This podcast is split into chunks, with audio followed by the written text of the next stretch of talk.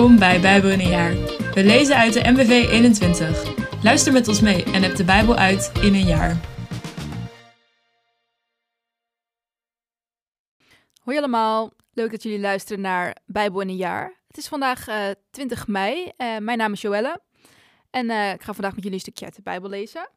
Eh, we beginnen bij Spreuken, hoofdstuk 12, vers 18 tot en met 27. Daarna lezen we 1 Samuel, hoofdstuk 5, 6 en 7. En tot slot Johannes 11, vers 45 tot en met 57.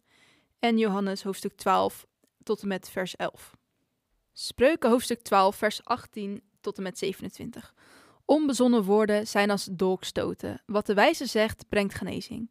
Een betrouwbaar woord houdt altijd stand. Een leugen slechts voor korte tijd. Wie kwaad smeet, is een en al bedrog. Vreugde wacht hem die vrede zoekt. De rechtvaardige wordt niet door onheil getroffen. Goddelozen worden overladen met ellende. Bedriegers zijn de Heer een gruwel. Betrouwbare mensen zijn hem welgevallig. Een verstandig mens loopt niet met zijn kennis te koop. Dwazen verkondigen onzin. Een vlijtig mens verwerft gezag. Luiheid leidt tot slavernij. Bezorgdheid maakt een mens neerslachtig. Een hartelijk woord beurt hem op. De rechtvaardige is beter af dan ieder ander. De goddeloze volgt een dwaalspoor. Een luie jager vangt nooit wild. Een vlijtig mens verwerft een groot vermogen. De weg van de rechtvaardigheid leidt naar het leven. Een geëffend pad is het vrij van de dood. 1 Samuel hoofdstuk 5 Omzwervingen van de ark. De ark van God, die bij Eben Haezer door de Filistijnen was buitgemaakt, werd overgebracht naar Astot. Ze namen de ark op, brachten hem naar de tempel van Dagon en zetten hem daar naast het godenbeeld neer. De volgende morgen zagen de inwoners van Astot dat Dagon voorover was gevallen en voor de ark van de Heer op de grond lag. Ze pakten het beeld op en zetten het weer op zijn plaats. Maar toen ze de volgende morgen vroeg terugkwamen, lag Dagon weer voorover op de grond van de ark. Alleen zijn romp was nog heel. Zijn hoofd en zijn beide handen lagen afgebroken op de drempel.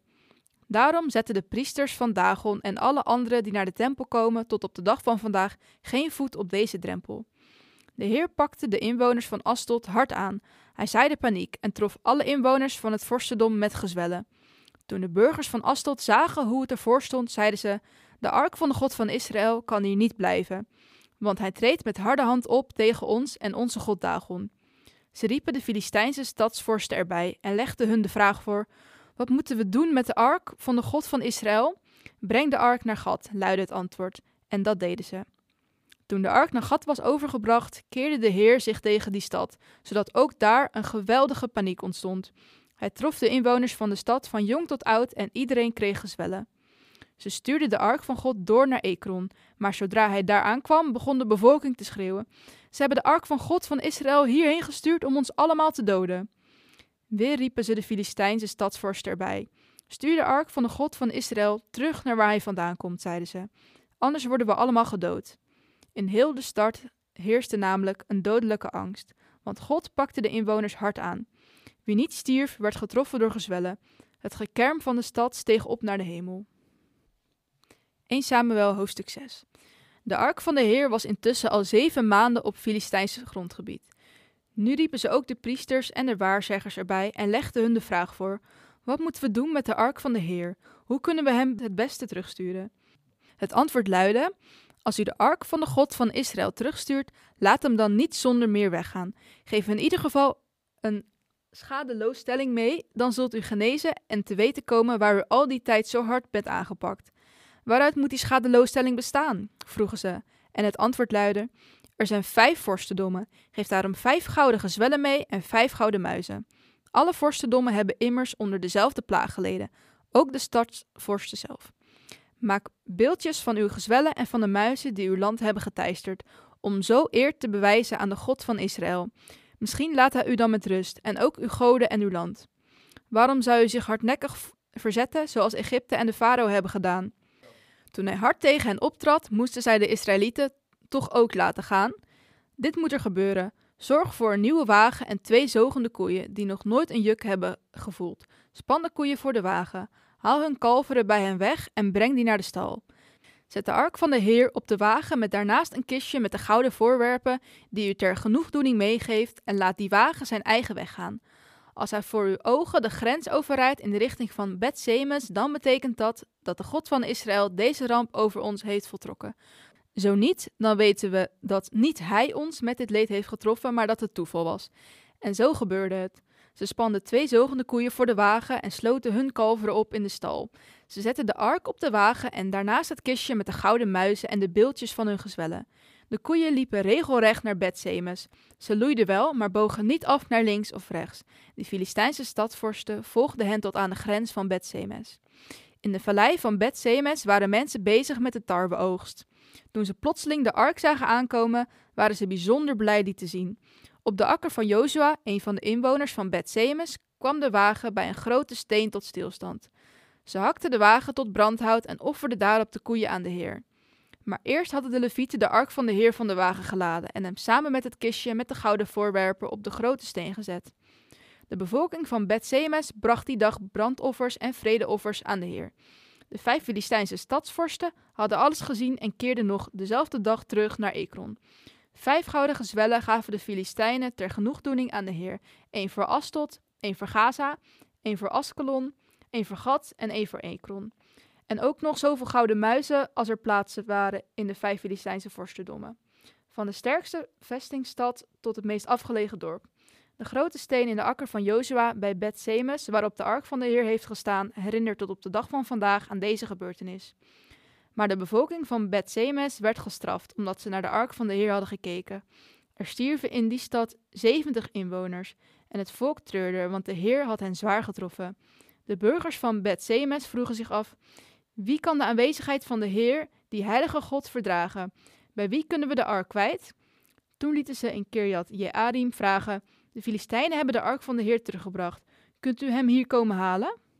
1 Samuel hoofdstuk 7 Er kwamen mensen vanuit Kirjat Jearim om de ark op te halen. Ze brachten hem naar het huis van Abinadab op de heuvel en wijden diens zoon Elazar om zorg te dragen voor de ark van de Heer. Samuel spreekt het volk toe. Er verstreek geruime tijd vanaf de dag dat de ark naar Kirjat Jearim was overgebracht, wel twintig jaar. Steeds meer Israëlieten klaagden hun nood bij de Heer. Ten slotte sprak Samuel het volk als volgt toe.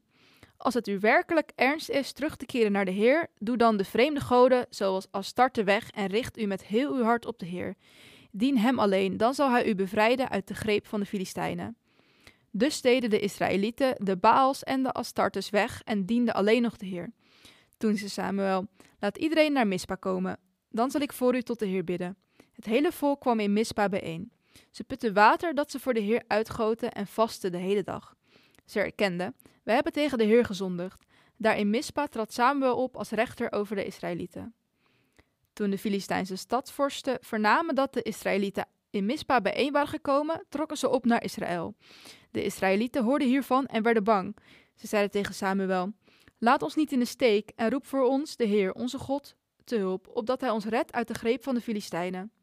Samuel nam een lammetje en droeg het in zijn geheel als brandoffer aan de Heer op. Hij riep tegen de Heer om hulp voor Israël, en de Heer verhoorde hem. Terwijl Samuel nog met het offer bezig was, kwamen de Filistijnen er aan om Israël aan te vallen. Maar toen liet de Heer luid zijn donder klinken tegen de Filistijnen en zeide zoveel paniek onder hen dat ze tegen Israël wel het onderspit moesten delven. De Israëlieten zetten vanuit Mispa de achtervolging in en dreven hen terug tot onder Betkar. Na afloop plaatste Samuel tussen Mispa en Sen een steen en noemde die Eben Haezer. Want, verklaarde hij, tot hiertoe heeft de Heer ons geholpen. De Filistijnen moesten zich gewonnen geven en waagden het niet nog een voet op het grondgebied van Israël te zetten. Zolang Samuel leefde, hield de Heer de Filistijnen in bedwang. Het gebied tot aan Ekron en Gad werd door Israël op de Filistijnen heroverd. En er was vrede tussen Israël en de Amorieten. Tot het einde van zijn leven bleef Samuel rechter over Israël.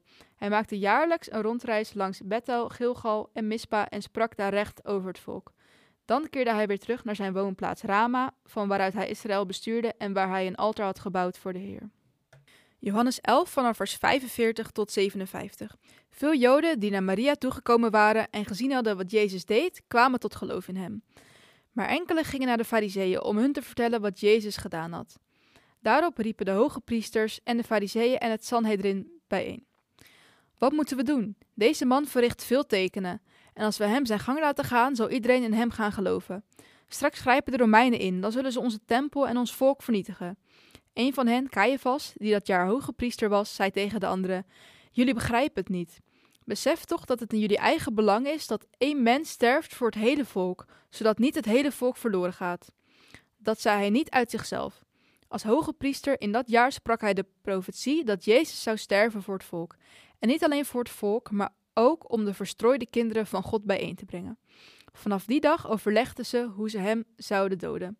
Jezus trad onder de Joden niet meer in het openbaar op, maar vertrok naar de omgeving van de woestijn, naar de stad Ephraim. Daar bleef hij met zijn leerlingen. Maria zalft Jezus voeten.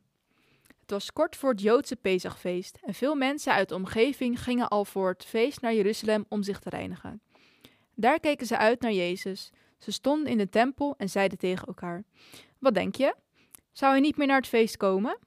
De hoge priesters en de fariseeën hadden intussen opdracht gegeven hem aan te geven als men wist waar hij was, zodat ze hem konden arresteren.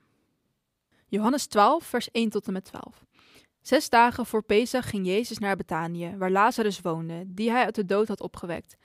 Daar hield men ter ere van hem een maaltijd. Martha bediende en Lazarus was een van de mensen die met hem aanlagen. Maria nam een kruikje vol kostbare, zuivere nardesolie, zalfde daarmee de voeten van Jezus en droogde ze af met haar haar. De geuren van de olie trok door het hele huis. Judas Iscariot, een van de leerlingen, degene die hem zou uitleveren, vroeg: Waarom is die olie niet voor 300 denari verkocht om het geld aan de armen te geven? Dat zei hij niet omdat hij zich om de armen bekommerde. Hij was een dief. Hij beheerde de kas en stal eruit. Maar Jezus zei: Laat haar, ze doet dit voor de dag van mijn begrafenis. De armen zijn immers altijd bij jullie, maar ik niet. Veel Joden hadden gehoord dat Jezus daar was en gingen naar hem toe. Niet alleen om hemzelf, maar ook om Lazarus te zien, die hij uit de dood had opgewekt. De hoge priesters beraamden intussen een plan om ook Lazarus te doden, omdat hij er de oorzaak van was dat veel Joden naar Jezus gingen en in hem geloofden.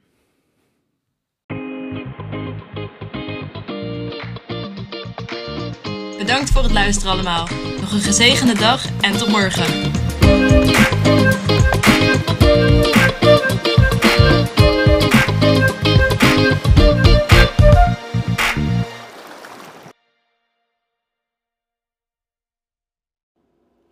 Met dank aan het Nederlands-Vlaams Bijbelgenootschap voor het gebruik van de MBV 21.